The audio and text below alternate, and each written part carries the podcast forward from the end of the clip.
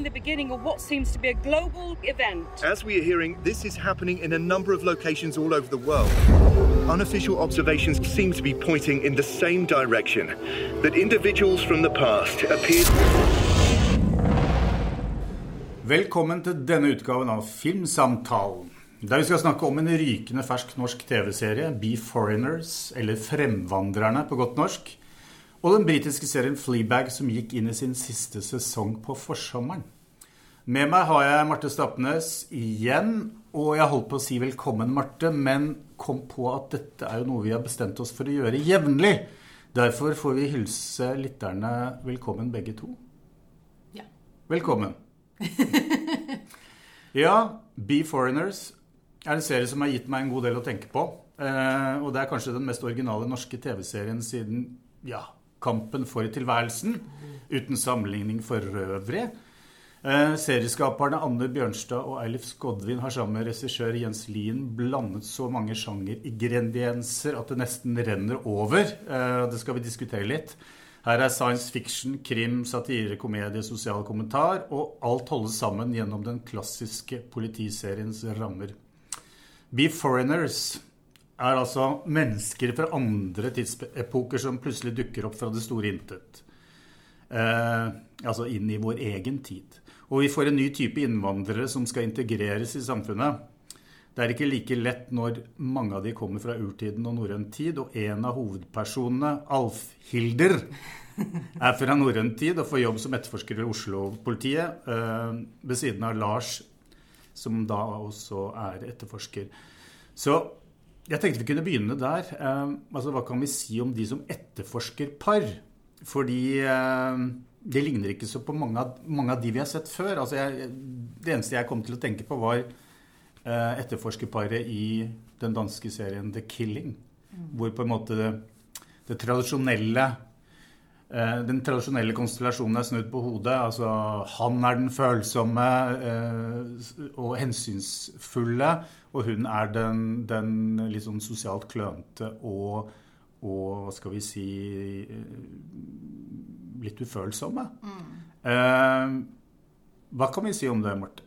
Det er jo egentlig en, en klassisk buddycop-duo her det er jo nokså vanlig å sette sammen to stykker som kanskje ikke egentlig har så veldig lyst til å jobbe sammen. Og det virker som at det kanskje har vært litt starten på ideen her òg. At du har eh, Nicolai Klevebrok sin karakter som eh, har gode grunner til å ikke være så glad i fremmedvandrerne. Det har kommet en fyr fra 1800-tallet og tatt hans plass i familien. Han har eh, mm. blitt skilt eh, med kona si, og så har det da kommet han derre eh, danske, veldig eh, ja, herlige 1800-tallsfyren liksom, tatt over. Mm. og bare for å ha sagt det, altså, Fremvandrerne kommer da fra urtiden, norrøn tid og 1800-tallet. Ja, og det virker som om de alle kommer fra Ingen fra renessansen? Nei, Nei, at de er liksom fra Oslo-området på en måte. At du, ja. du, kommer frem i tid, men du er fortsatt her, mm. her du var. Så det er liksom Kristiania-bohemen, holdt jeg på å si, Kristiania-gjengen fra 1800-tallet som har kommet frem i tid. Men i hvert fall. Eh, jeg tror at eh, Nicolai Klevebrok sin karakter her eh, har gode grunner til å ikke være så glad i de fremvandrerne. Og så kommer det da en beskjed på politihuset at her skal vi få inn en eh, vikingdame, sånn, nesten sånn kvotert inn. Og det er ikke lov å si viking og V-ordet, selvfølgelig. Så en eh, kvinne med norrøn opprinnelse. Mm. Men så er de ganske snart å liksom finne sammen i det samarbeidet. Så i stedet for at de skal gå og irritere seg på hverandres ulikheter, så, så begynner de ganske kjapt å backe opp hverandre. Jeg hadde trodd at det skulle være en serie som i mye større grad satte dem opp mot hverandre. Litt som i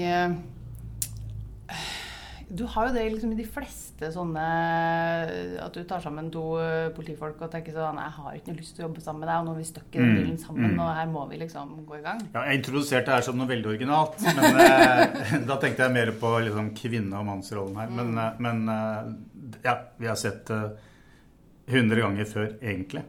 Ja, og kanskje aller finest gjort i uh, Disney-filmen eh, Sutropolis. Når det er en uh, sånn liten kanindame som har veldig lyst til å bli politi. Og så mm. kommer hun hoppende inn, og så møter hun veldig mye motstand. For de sier sånn Du kan jo ikke være politi, du er åpenbart ikke skikka til det. Mm. Og så uh, slår hun seg sammen med en, en revekarakter som ikke er politimann, men de blir en sånn duo sammen som skal løse et krimplott. Og det, det, er litt sånn samme saken her, at hun kommer inn eh, og har en veldig sånn, fin politisjefen i teamet, som er veldig stolt av at han har fått inn en dame med norrøn opprinnelse. Mm. Og det virker som at han ser på det som Det kan vi bruke i, i, ut mot media. Da kan vi si at her har vi liksom fått på plass en sånn dame. Og så tror ikke han tenker så mye på om hun egentlig er så skikka til jobben, eller Nei. det bryr han seg så mye om.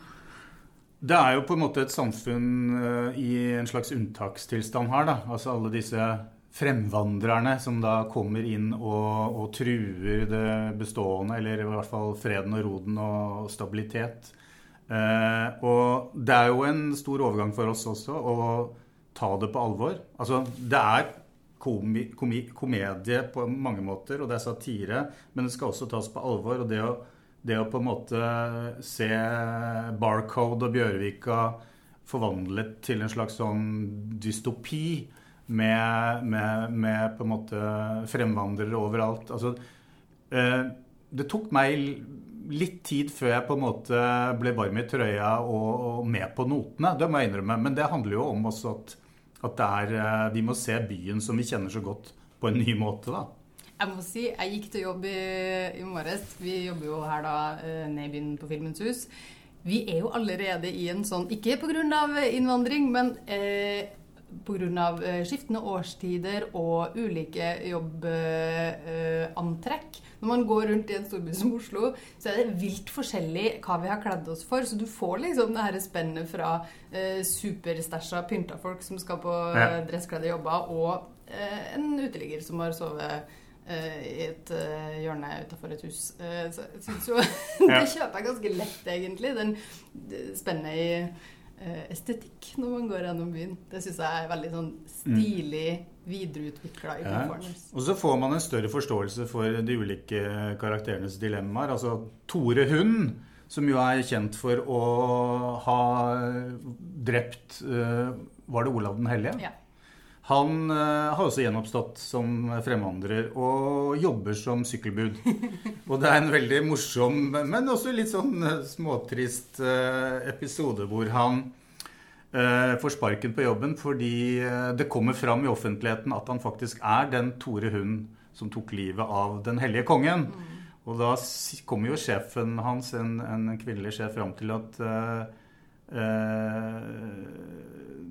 Altså personer som, som myrder hellige konger at det å myrde hellige konger passer ikke med kjerneverdiene til selskapet.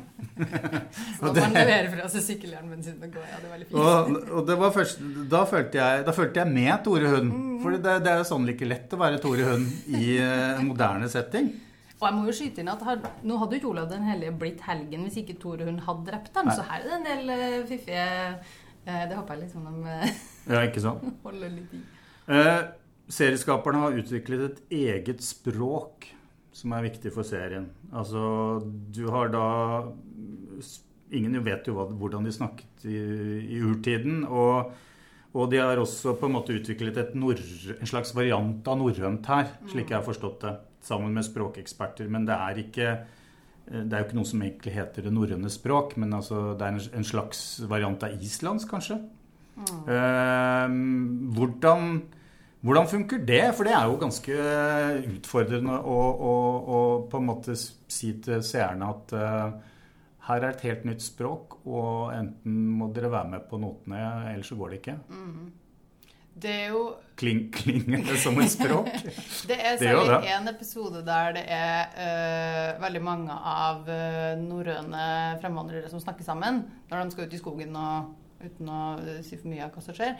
Så jeg ble sittende og lure litt på sånn, Skjønner dere egentlig hva dere sier nå, eller snakker dere bare i rekkefølge? Ikke fordi det ikke funker sånn kjemimessig, men mm. fordi det er såpass Jeg kan ikke uten teksting skjønne hva de snakker om. Og jeg kanskje legger for mye i det. Hadde dette vært på fransk, så hadde jeg aldri stussa. Men jeg har jo uh, lest om uh, hun som spiller uh, politikvinnen Krista Kossonen, at hun ikke kan norsk. og ikke egentlig har skjønt veldig mye av det å gå rundt og si i den serien. Og det gjelder jo sikkert en del av de andre som også får eh, de her norrøne replikkene. Mm, mm. Det funker jo i fart. Eh, og så tror jeg For meg så er det også litt sånn lek med Hvis du som utlending skal se på en eh, Nordic noir, så må det høres sånn ut hele tida. Det her Mm. er jo sånn som norsk og dansk høres ut fra før av. Litt sånn høpti-tøpti. Men eh, hva syns du? Det? Eh, det tok litt tid. Eh, det var noen av de tingene som tok tid. Men eh, altså, det, det har en islandsk klang. Så, og jeg kan ikke islandsk, så det høres ut som islandsk for min del. Sånn at det var ikke noe stort problem når det kom til stykket. Da. Nei, jeg lurer på om det Det blir liksom Vi har ikke snakka så mye om toneskiftene mellom når de skal være krim og når de skal være komedie og sånn. Eh, jeg lurer på at det her spiller litt inn at du ikke i like stor grad kan improvisere noe særlig, at du må si replikkene i den rekkefølgen dere har avtalt, fordi du vet liksom ikke helt hva du skal spille mot hvis den andre plutselig forandrer litt på det. Men eh, de gjør et eller annet veldig fint, syns jeg, med å, med å både spille på humoren i det når du samler folk fra vilt forskjellige tider som skal snakke sammen.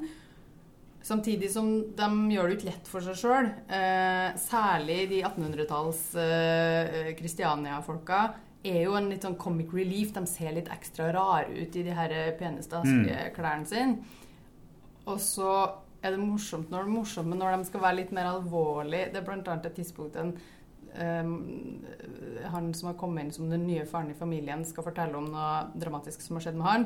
Og så sier han, at så mista han et familiemedlem mellom Blekøen og Hovedøen. Så tenker jeg, Det er Mm. morsomt, det, men det passa kanskje ikke akkurat der i noe valg i et alvorlig øyeblikk. Uh, så uh, ja. Men, men han har jo en viss verdighet, og det, og, og det er jo ganske overbevisende spilt. mm, Definitivt. Så, så jeg, jeg følte med han. Og det gjør jo Lars også. Altså han, han I hvert fall en periode så får han jo større sympati med, med han som har eh, stukket av med hans kone. Det som var hans kone. Eh, men, men du er inne på dette med overgangen mellom, eh, mellom humor og andre ting. Altså, det er så mange sjangeringredienser her som jeg var inne på. Altså, og man veksler mellom satire og sosial, mer alvorlig sosial kommentar. Det er, det er noen politiske undertoner her som kanskje ikke trekkes så langt. Mm. Det er egentlig opp til oss å, å, å, å, finne ut hvor langt vi vil trekke dem.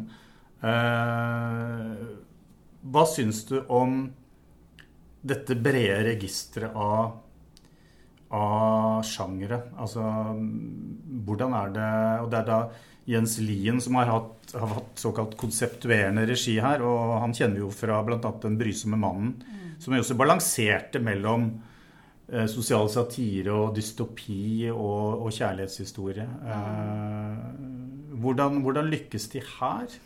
Jeg syns at det funker veldig bra. Jeg så eh, Aksel Kielland i Morgenbladet. Jeg mente at de ikke gikk nok i dybden, men jeg er veldig glad de ikke har fokusert fullt og helt på at det skal være beinhard samfunnskommentar. Det tror jeg ville ha blitt veldig slitsomt å se på at nå skal vi eh, gjøre en, eh, en stor greie ut av innvandringsproblematikken, f.eks. Mm. Det som er fint her, er at i stedet for å eh, ha så bred pensel om de forskjellige typer kulturene som krasjer, så går det mye mer på enkeltpersonen. Vi får lov å bli kjent med eh, politikvinnen eller eh, eh, steinaldernaboen og hvordan han eh, liksom håndterer det nye livet med sønnen osv. Mm. Det tror jeg er mer For meg så er det langt mer interessant å se på enn at det skal være en sånn superfilosofisk Eller en eh, helt reindyrka krim, f.eks. Det tror jeg heller ikke hadde passa så veldig bra med at det skulle være på HBO, og det her er den første eh, liksom, norske satsinga. Det må være noe mer eh, Noe mer originalt og grenseoverskridende, på en måte, hvis vi skal nå tak i folk. Da, tenker jeg. Det er masse bra Mm. krim, for all del, eh, men det Da trenger man kanskje ikke å hause opp som en ny greie på HBO. Mm. Um, nei, du er inne på noe. Altså um, Norske serieskapere har jo markert seg internasjonalt for så vidt med serier som Okkupert. Som hadde jo en slags Det var også en framtidsdystopi, da. Uh, altså har Be Foreigners har vel også en såpass interessant eh, storyline at den vil kunne fenge interessen ute, skulle jeg tro. Det vil jeg tro. Og så Uh, hadde de skulle satsa hardere på den komediebiten Er inntrykk av at uh, skandinavisk komikk ikke translates well i alle tilfeller. Mm. Så jeg kan skjønne Det virker som en serie som forhåpentligvis er laga for dem som ikke bor i Oslo, og ikke mm. skal først og fremst liksom kjenne igjen hvor de rusler rundt. Mm. Det er forresten eh, et tilbakevendende irritasjon i alle serier som skal finne sted i Oslo. Du går feil vei hvis du skal på jobb på Kulturhuset på Grønland. Hva gjør du? Først går du bort med Brugata, så bort med Fuglen og sånn. Det syns jeg er morsomt. Det, det liker jeg. Det, det tilfører noen ting at de surrer rundt i feil retning. Også. Ja, ja. Men det er jo ingen riktige retninger i Oslo i utgangspunktet, kanskje. Så Eh, det har kanskje noe med saken å gjøre. Um, vi har ikke snakket om skuespillerne, eh, men det er to relativt nye ansikter for, for norske TV-seere, og det er bl.a.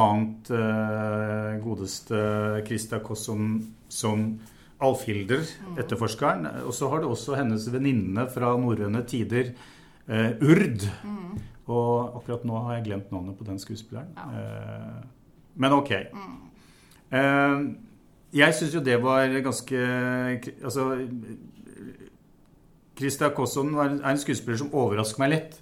Uh, fordi uh, Men det har noe med rollens fysiske framtoning å gjøre. Altså, hun sitter, når hun sitter, så sitter hun bredbent. Altså, hun er liksom machokvinnen fra urtiden. Mm. Eh, og det er jo artig det der hvordan hun da utfordrer Lars, da, Nicolai Kleve Broch, som da er den moderne politimannen som eh, har prøvd terapi, familieterapi, og er en slags myk politimann, da. Mm. Som, som, hun har litt vanskelig for å forstå. Men er hun Altså er hun eh, Noen ganger så virker hun på oss selvfølgelig nærmest som en autist, da. Men hun er jo ikke det. Hun er bare en litt ufølsom kvinne fra urtiden, eller fra norrøn tid. Ja, det er det som ja. gjør at det funker så godt. At det ikke smaker så eh, ferdigbrukt. Fordi eh, hadde hun da vært fra nåtiden og vært den her litt macho dama ja. Eh, som satt bredbent sånn, så tror jeg tenkte det var mye kjedeligere. Og det her har vi sett hundre ganger før. Men fordi eh, de sier at det her er eh, Hva heter en shield maiden på norsk? En, en skjold eh, altså, Hun jo, har jo vært en sånn kriger. kriger ja. Mm. Eh, så da kjøper man i mye større grad at selvfølgelig er det her din fremtoning. og at hun stusser over en del sånne eh, litt mykere trekk ved, ved Lars, handler liksom mer om at hun er vant til å se menn på en viss måte, og ikke ja. Og så skyr jo ikke serien unna litt mer sånn på grensen til vulgær humor, da. ja, den begynner med litt vulgær humor. Når hun skal insistere på å bruke mose som bind og sånn. det da eh, stussa jeg og tenkte er det hit vi skal. Nei, da lurte jeg på okay, hvor langt vil dette gå. Men, men, de tar seg jo inn igjen. Mm. Altså, hun, altså, Lars kjøper jo bind til henne, rett og slett. Her skal man med i Alle skal inn i den vante Ja. ja. Eh, altså, Serien har elementer som, har, som, jeg har snakket om finnes i mange andre serier. Men, men, hvilke andre serier går det an å sammenligne den med? Altså, jeg vet at serieskaperne har vært litt inspirert, influert av den franske serien Le, Le Revenant. Ja, det er helt sikkert sånn. Ja, det er sikkert helt feil måte å uttale det på. Men også True Blood og litt sånn ymse. Eh, men, men, det er noe de har sagt, og det betyr ikke nødvendigvis at vi kan se det i serien. Men, men hva, hva, tenker du? Eh, er de så originale at det, er, det, er, det, det finnes ikke paralleller? Nei, jeg tror de har Eh, blanda så mange ting at det oppleves friskt uh, av den grunn. Ikke at det er en mm. kritikk av det, men at det er jo ikke så vanlig med rene sci-fi-ting lenger, f.eks. Eller altså man, man mikser jo mm. til man føler at her har vi et eller annet som ser litt fresht ut. For det er jo klart En av styrkene til serien, syns jeg, er at den kjempegode ideen som ligger i bunnen her, at plutselig dukker opp masse folk fra en annen tid, og det må du forholde deg til med det systemet vi har i dag. At ja, vi må jo lage et uh, mottakssenter, da, vi må jo få dem ut i arbeid. Og, altså, den biten der syns jeg er veldig flott som en grunnidé. Og så handler ikke først og fremst om det. Uh, for det tror jeg har blitt veldig kjedelig hvis, hvis det skulle være en serie som bare roter rundt i ja, men hvorfor kom mm. de dit, da? Hvordan skal vi få mm. dem tilbake? Eh, det handler mye mer om øyeblikkene eh, når du da sitter i møterommet på politistasjonen og jeg trenger folk til det her, og så sitter liksom møteplageren Wenche og Ja, hvorfor gjør du det, da? Eller, Ja, ja. ja. Eh, så jeg tror det er det som gjør at det føles, føles nytt. Det finnes jo serier som i større grad har Sånn som Le Revenant, som Ja. prøver å liksom finne ut av hva det er egentlig som har skjedd, og hva skal vi løse. Mm. Men jeg håper egentlig at i fortsettelsen av Beforeigners også, at det ikke blir en sånn ren De fokuserer en del på krimplottet, og det er jo spennende, men at ikke det bare skal handle om det. da. At de fortsetter å se øyeblikker med familie og eh, Mm. samarbeid mellom politifolk og dem som ramler ut på en fest. Og... Ja, la oss håpe det. Eh, Det blir spennende å se. Eh, Jeg vet at de har intensjon om en ny sesong, om HBO Nordic, som da viser serien og har produsert den. Altså det er den første norskproduserte HBO-serien. Eh, Om de har da ønsker å gå videre, det gjenstår å se. Over til en annen serie, som vi nevnte innledningsvis, Fleabag. eh, Av, eh, og dette navnet har jeg alltid problemer med.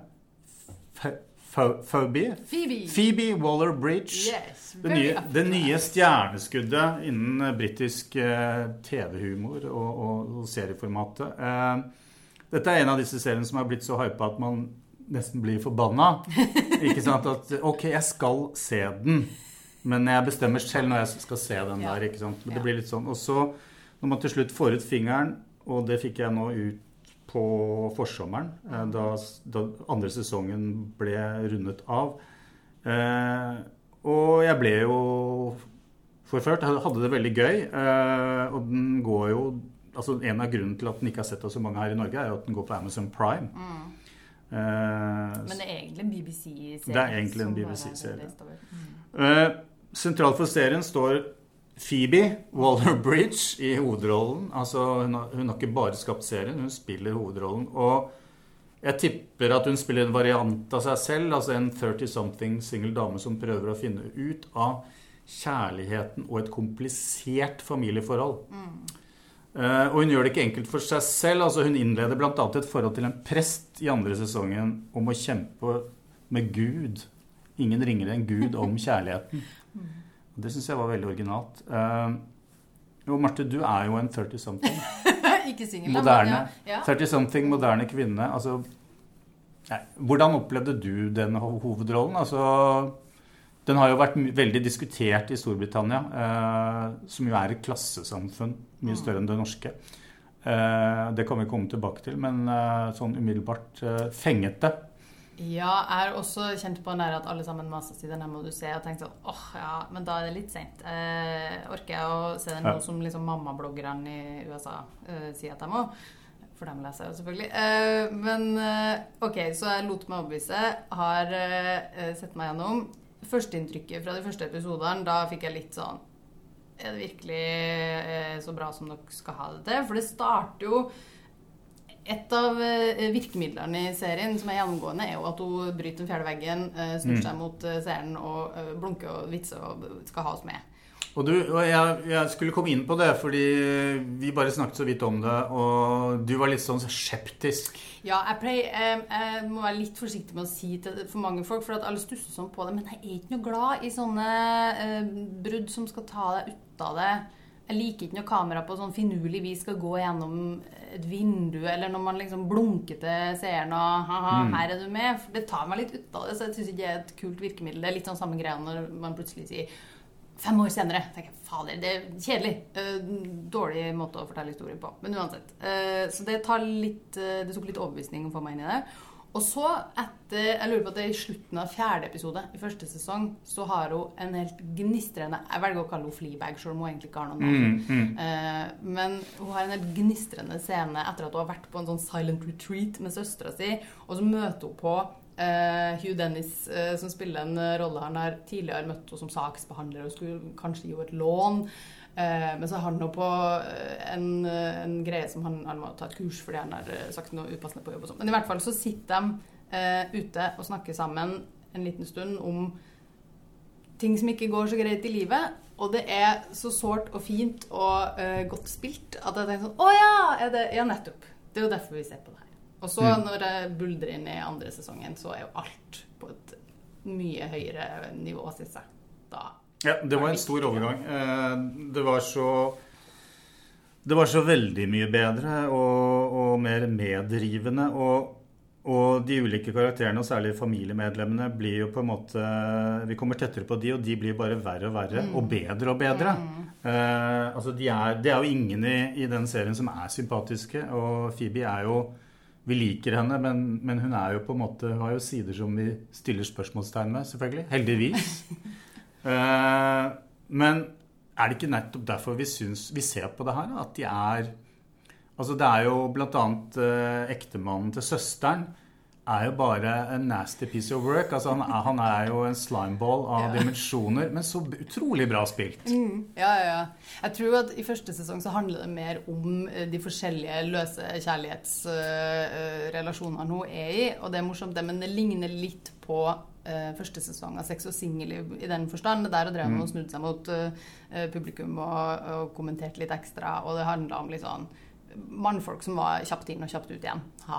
Eh, mens i andre sesong så fokuserer de, eller hun, mye mer på den familiebiten. Og det er mm. det jeg syns er spennende. Jeg syns det er så utrolig eh, Det kan være morsomt med liksom, eh, humor rundt singelliv og analsex, liksom, men det som er det mest gnistrende her, er eksemplifisert når pappaen på et tidspunkt snur seg til sin datter og så sier han I love you, but I'm not sure I like you all yeah. the time.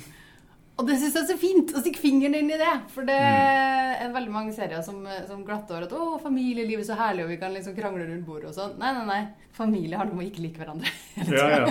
Og så er det jo et eller annet med den britiske det britiske viddet, ironien. Eh, og det er jo den, den, ganske kjente familiemiddagen på restauranten som ligger ute på YouTube også, og, og er blitt en Eller ble tidlig en snakkis. Altså der Alt er rolig rundt bordet, egentlig, men det er måten de sier ting på, mm. som er så bitende og så full av ambivalens og uh, altså Alt mulig rart. For det her tror jeg... Og, og, og, og det er på en måte en sånn replikkunst som mm. bare britene får til. Ja. Uh, jeg tror at uh, det har noe med det britiske lynnet, fordi der er det en aksept for, for virkelig bit bitende bitchiness. Altså det er eh, Mens jeg tipper at Uten at jeg vet det, men altså I USA så har jeg, har jeg skjønt at denne serien er jo omfavnet av de få. Eh, eh, men den er jo en kritikersuksess. Men noen innvendinger har jo handlet om at de syns at det er, det er i overkant mørkt. da.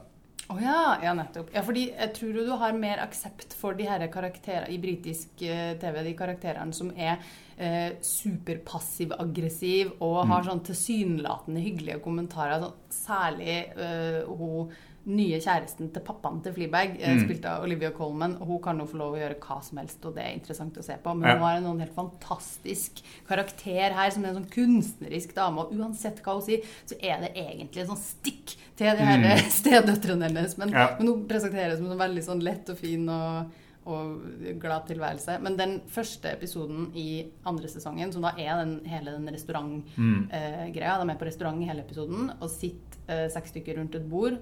Og det her tror jeg er en episode som kommer til å gå inn på pensum på alle sånne På manus og på klipping og på uh, regi og på liksom hele spekteret. Hvordan i alle dager lager du en, en episode der så mye tension liggende absolutt hele tida?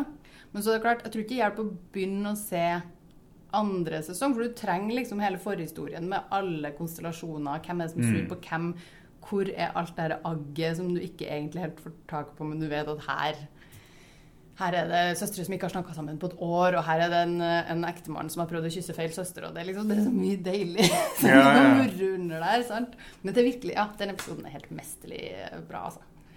Eh, jeg vet ikke om det kommer en tredje sesong. Jeg tror kanskje den andre sesongen blir den siste. Ja, det, det, er flere som har sagt at det skal stoppe der. Ja. Men det er klart, det her lukter jo i og for seg en sånn type serie som amerikanerne sier 'Å, den må vi remake', og så kommer de med et eller annet, og så har de liksom helt ja, missa poenget. Ikke sant? Akkurat som de amerikanerne lagde sin variant av den erkebritiske The Office, så lager mm. man her da kanskje sin variant tilpasset amerikansk sensibilitet, da. Mm. Nå skal det sies at The Office er jo en av de tilfellene som Ja fikk det fikk det annet, Ja, men noe helt annet enn det de prøvde. Ja. si. Unntaket som bekrefter regelen. Kanskje. Ja. Men uh, jeg tenker vi stopper der. Mm. Uh, og så takker vi selvfølgelig lytterne for tålmodigheten hvis de har hørt gjennom hele denne Du pleier ikke å legge inn sånn kodeord på slutten, da, så folk må liksom uh, gå på Facebook eller noe og si sånn Nei, jeg kommer ikke på noe bra kodeord de kan legge igjen på slutten. Ja, jeg vet ikke. Selvfølgelig guinea pig. En fremvandrerkvinne har drevet i land. Rettsteknikerne virker overbevist om at dødsårsaken er kvelning. Og det er med stolthet at jeg i dag kan presentere vår første ansatte med flertemporal bakgrunn. Hva om vi teamer opp der, Lars, med vårt nye tilskudd?